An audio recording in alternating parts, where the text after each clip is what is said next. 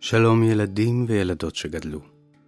אני תום בייקין אוחיון, ואת הסיפורים האלה כתבתי בשבילכם. לפני שנתחיל, רצינו לעמוד בהבטחתנו ולספר לכם כיצד אתם תוכלו לעזור לנו להמשיך וליצור אגדות. והפעם נספר על הדרך הכי קלה ומהנה לעשות זאת. אם אתם אוהבים את אגדות אמיתיות ונהנים מהסיפורים שלנו, פשוט ספרו על כך לאחרים. בין אם זה בשיחה עם חברים או בפוסט ברשתות החברתיות, אין ליוצרים דרך טובה יותר להגיע לקהלים חדשים מהמלצה חמה מחברים.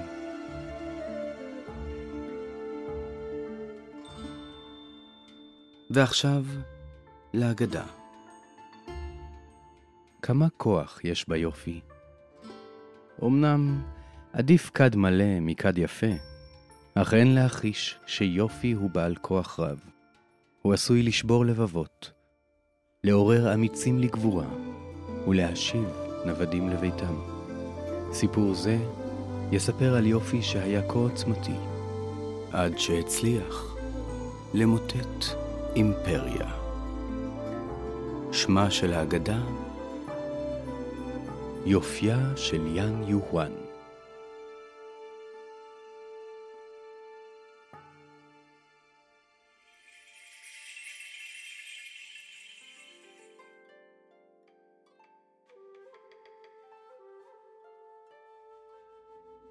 יאנג יוחואן נולדה למשפחה מבוססת של בכירים ממשלתיים בסין הקיסרית, בימי שושלת טאנג האגדית. היא גדלה אצל דודה יאנג שוונג ג'ינג, לאחר שאביה יצא עם משלחת ממשלתית ולא חזר. משראה דודה כי הילדה גדלה להיות נערה יפה מאין כמוה, דאג מאוד ליאנג, ולא הרשה לה לצאת מביתם אלא בליווי של מבוגר. הוא העריך את יופייה המיוחד, וחשש שמא יחמדו את יופייה.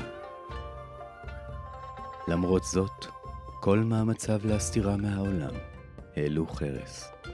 ועד מהרה פשטה השמועה שבביתו של שוונג ג'ינג חיה עלמה כה יפה, שהיא עתידה להימנות בפנתיאון הנשים היפות ביותר בסין. עלמות אלו היו נשים אגדתיות אשר יופיין נודע בכל האימפריה. ביניהן היו שיצו, עליה סופר שכאשר התבוננה בהשתקפותה באגם, דגים שראו את פניה שכחו כיצד לשחות ושקעו למצולות. וואנג ג'או ג'ון, אשר ציפורים חדלו ממעופן כדי לחזות ביופייה. ודיאו צ'אן, שיופייה האיר באור כה חזק, שהירח הסמיק מבושה והצניע את אורו. בניגוד לכל הנשים האגדתיות האלה, יוחואן הייתה אישה אמיתית, וביופייה אפשר היה לחזות בעיניים, ולא רק בסיפורים ובאגדות. בשנת 733, כשיאנג הייתה בת 14, הגיע לביתה שליח מטעם לי מאו, נסיך מחוז שו, ובנו של קיסר סין, ששמע על יופייה ועל הכימורים הענוגים של גופה, וביקש שתובא לארמונו כדי שיוכל לבקש את ידה. יאנג יוחואן התרגשה מאוד לקבל הזמנה מן הנסיך, אבל דודה הזהיר אותה. הארמון המלכותי הוא מקום מכובד ומפואר, אך מלא בתככים ובמזימות. בסין של שושלת טאנג, הקיסר לא נשא אישה אחת, אלא החזיק פילגשים רבות, עד כדי כך שהוא נאלץ לבנות שלושה ארמונות מפוארים כדי לאכלס את כולן. מתוך כולן, רק אחת הייתה נבחרת לפילגש הראשונה של הקיסר, תפקיד השקול למלכת האימפריה. כל האחרות נותרו בארמון וחיכו לרגע שבו הקיסר התעייף מזוגתו ויקרא להן במקומה. הדוד הסביר שלפי חוקי הממלכה בנה של הפילגש הראשונה, יירש את כס המלוכה לאחר מות הקיסר. מסיבה זאת, הפילגשים ניהלו מלחמות של קנאה ונקמנות זו נגד זו. מכיוון שהנסיך לי מאו היה בנה של הפילגש wu, שהייתה האהובה ביותר על הקיסר, הוא היה עתיד לרשת את כס המלוכה. אם יאנג אכן תהיה לו לאישה, עיני כל העולם ינשאו אליה, ויעקבו אחר כל צעד שתעשה. למרות החששות, יצאה יאנג יוואן הצעירה לארמון המלכותי. היא התפלאה למצוא ביורש העצר לי מאו אלם נעים הליכות, מנומס ומתחשב.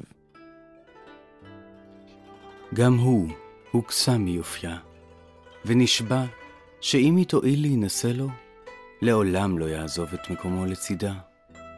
והיא הסכימה.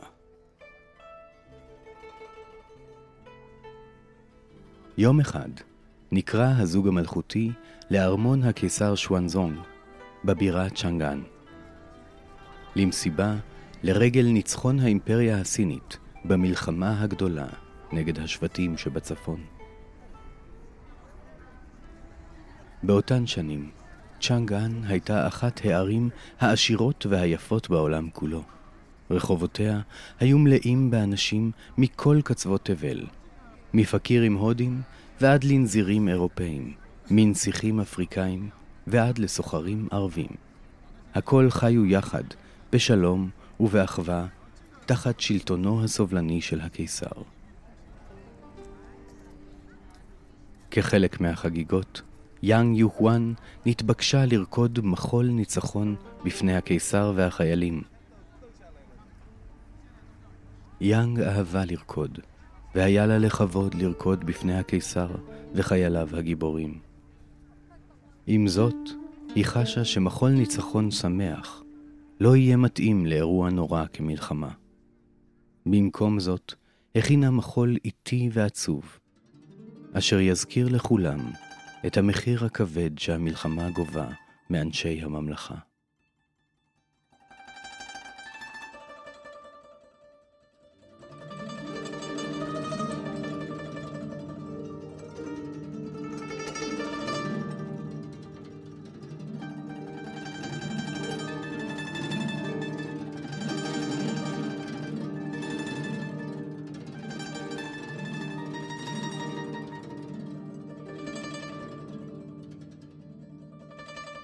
כשעלתה על הבמה, הכל הוכו מיופייה הרב, והקיסר יותר מכולם.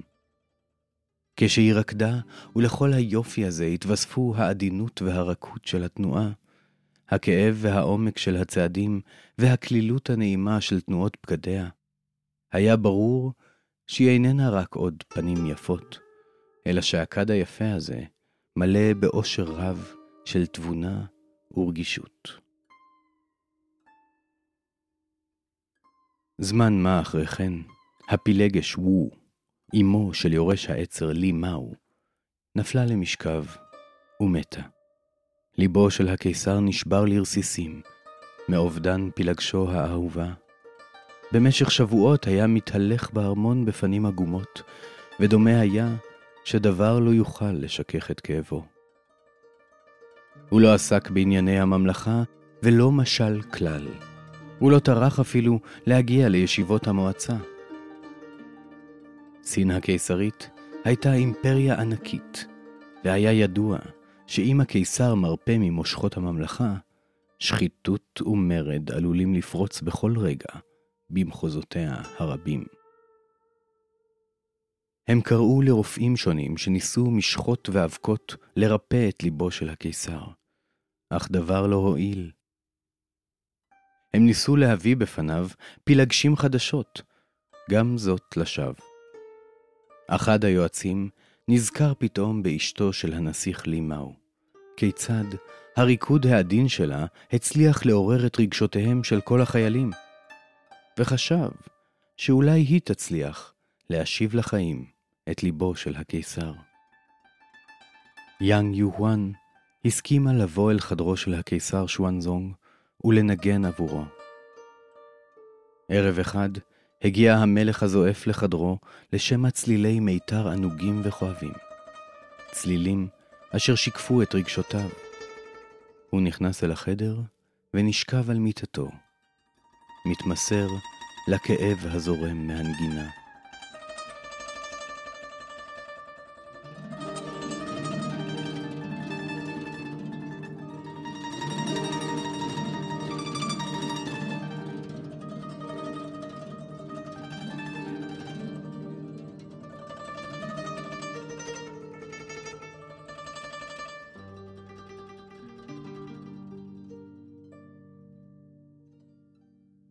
לאחר מכן דרש הקיסר לדעת מי ניגן כל כך יפה.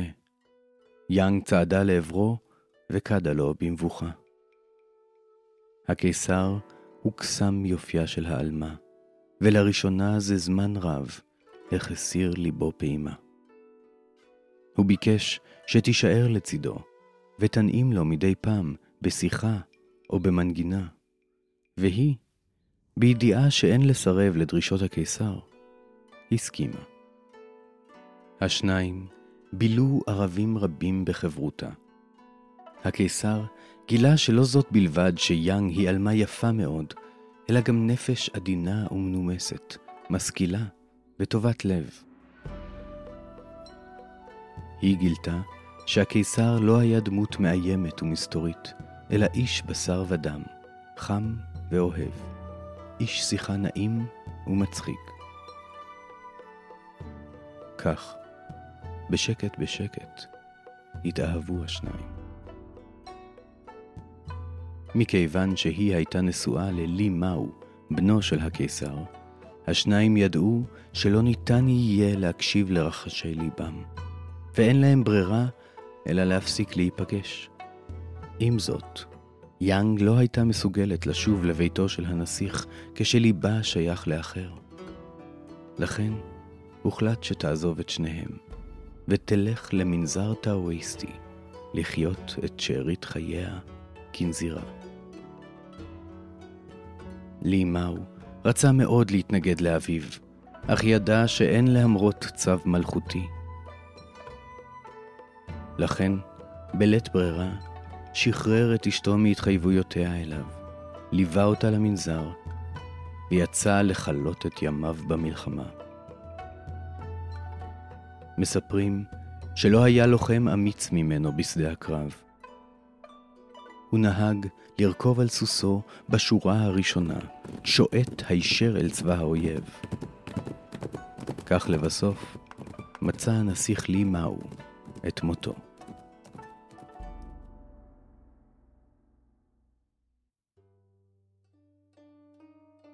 אהבתו של הקיסר ליאנג יוהואן לא פגה.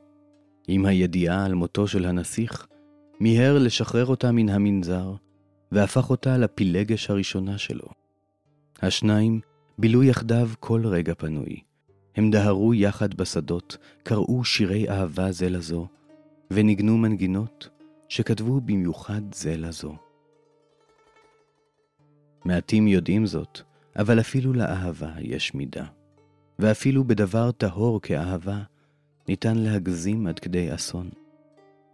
רצונו של המלך להביע את אהבתו ליאנג יוחואן לא ידע שובע. הוא העמיד שבע מאות תופרים שיתקינו לה שמלות חדשות בכל יום. הציב לשירותה את יועציו המלכותיים כמשרתים. העניק לכל בני משפחתה אדמות בממלכה, ורומם את מעמדם למעמד של אצילים. כל דבר שיאנג אמרה, הפך למשאלה שהמלך חש חובה להגשים מיד. כך קרה שכאשר אמרה שהגנרל אן לושן הראה חוכמה במנהיגות, מינה אותו הקיסר מיד למושל על ארצות הצפון, ואפילו אימץ אותו למשפחתו, כאחד מבניו. יאנג לא רצתה בכלל בכל זה, אך ידעה שאפילו לפילגש הראשונה אסור להמרות את פיו של הקיסר.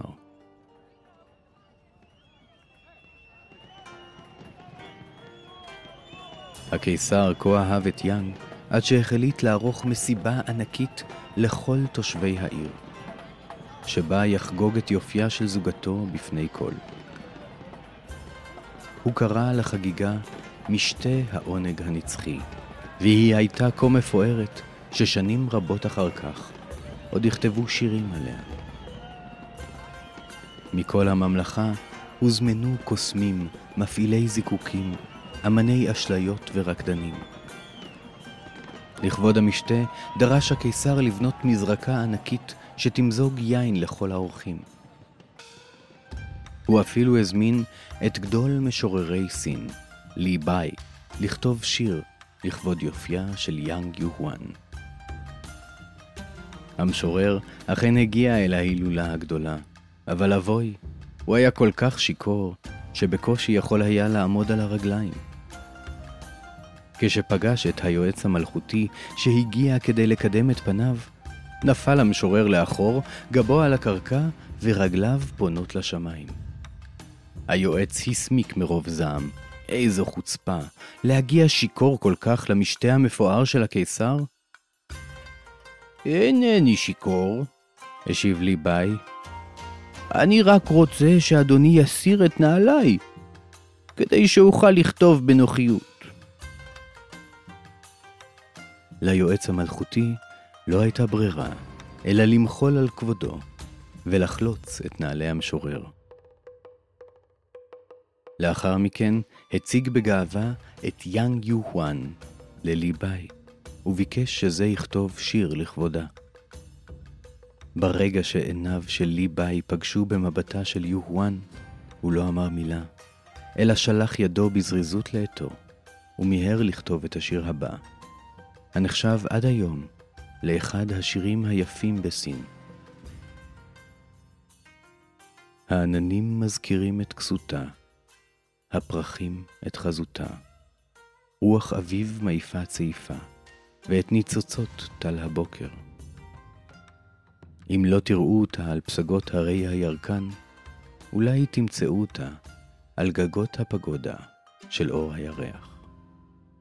יאנג יוחואן אהבה מאוד את השיר, אבל כשהקיסר קרא אותו וראה את יופיו ועדינותו, האמין שהמשורר התאהב בגבירתו והחליט לגרשו מן העיר.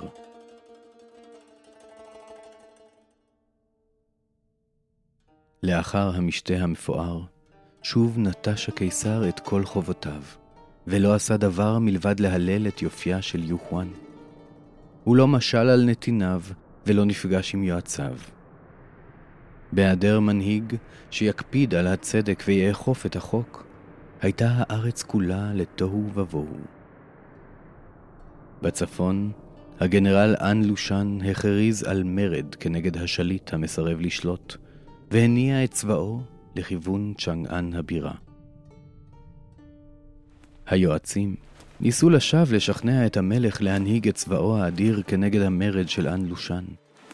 אך זה העדיף להסתגר בחדרו ולכתוב שירים לאהובתו. צבאו של אן לושן התקדם, והגיע עד לבירה. לא עבר זמן רב, והבתים המפוארים של העיר החלו לעלות באש. הרחובות, שעד לא מזמן היו מלאים באורחים ותושבים, התרוקנו לחלוטין. כל הסוחרים, התיירים, השגרירים והנזירים ברחו. מי מהם בחזרה לביתו, ומי מהם לארץ אחרת, שאת שמיה לא מאיבים ענני מלחמה. כשדומה היה שבעוד רגעים אחדים ייכבש הארמון על ידי אנשיו של אן לושן, החליטו הקיסר, יאנג ופמלייתם לברוח. הם יצאו מהארמון בחסות החשיכה, והחלו לנדוד בין ההרים והיערות הסובבים את העיר. בתקווה למצוא מקום שבו יוכלו לחדש את שליטתם. השומרים החלו לרטון על גורלם המר. לא זאת בלבד שהקיסר לא אפשר להם להילחם בכבוד, אלא שעתה אף נאלצו לברוח בלילה כמו גנבים פשוטים. מכיוון שהיו שומרי הראש המלכותיים של הקיסר, לא עלה בדעתם שהוא האחראי לגורלם המר. והם החליטו שזו חייבת להיות אשמתה של האישה. השומרים צעדו זועמים לאוהלו של הקיסר, ודרשו שימסור את יאנג לידיהם. אחרת, יאבד את שארית צבאו, ואיתו את האימפריה כולה. הקיסר, כמו תמיד, לא הצליח לקבל החלטה. אבל יאנג יוהואן לא הייתה מוכנה לאפשר לו להרוס את האימפריה הסינית בגללה. היא ידעה מה עליה לעשות. בכאב רב עזבה את ידו של הקיסר וצעדה אל עבר השומרים. הקיסר נפל על ברכיו בבכי. הוא ידע שבשם האהבה חטא נגד המידה הטובה, ועתה לא נותר לו אלא להתרפס על הקרקע ולבכות על מר גורלו.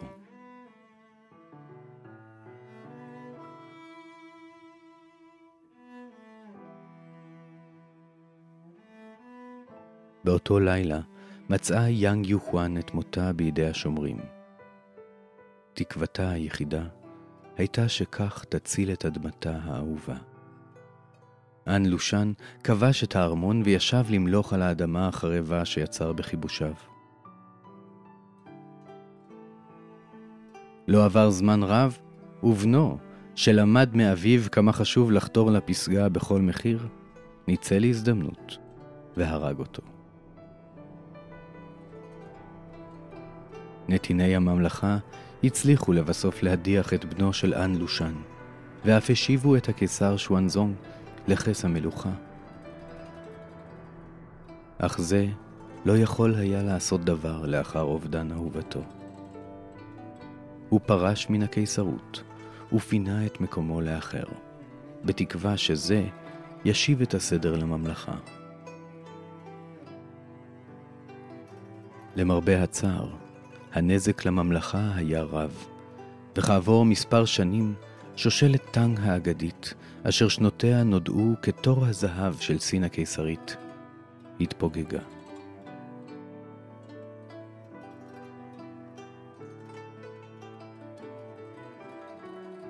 במשך מאות שנים היו ספרי ההיסטוריה של סין מלאים בקללות שהופנו כלפי העלמה היפה שמוטטה את האימפריה. איש לא חשב לעצמו שאולי היא לא אשמה כלל. שכן האחריות הייתה ונותרה בידי הקיסר המסכן.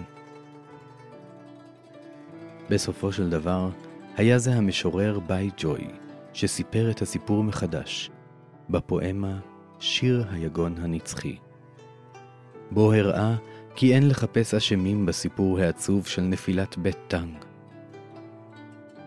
עלינו להבין שהיופי הוא אוצר שיש לשמור עליו, והאהבה עזה יותר מאלף חרבות. ומה עם המשורר הגולה לי ביי? הוא עזב את העיר לפקודת הקיסר, וחי בין היערות וההרים והנערות של סין. בביתו שבטבע כתב שירים רבים על יין ושמחה, על בדידות, על חברות ועל הירח, ידידו הנאמן ביותר. לילה אחד מצא את מותו כאשר קפץ לנהר לתת לירח חיבוק.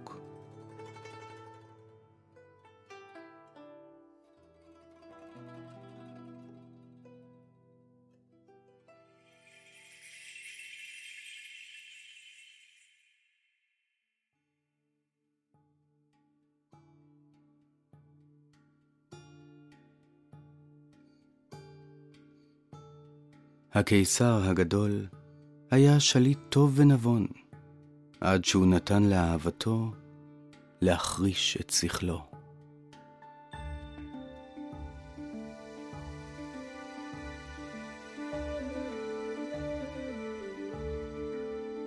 יש משהו שאתם מוקסמים ממנו ואוהבים לבלות איתו כמה שרק אפשר?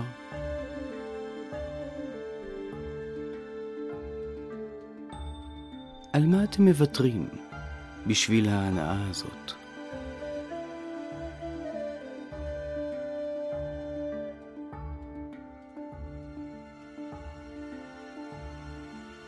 מלבד האגדה הזו, עוד אגדות מחכות לכם בפודקאסט שלנו, אגדות אמיתיות. אם אהבתם את האגדה ואתם רוצים לתמוך ביצירה שלנו, אתם מוזמנים לתמוך בנו דרך אתר פטריון, על ידי רכישת הספרים שלנו מאתר הוצאת פנק, או על ידי הזמנתי אליכם לבית הספר, במסגרת סל תרבות ארצי. אני תום בייקין אוחיון, ואם רק תסתכלו טוב טוב, תראו שכל אחת ואחד מכם הוא כבר גיבור של אגדה.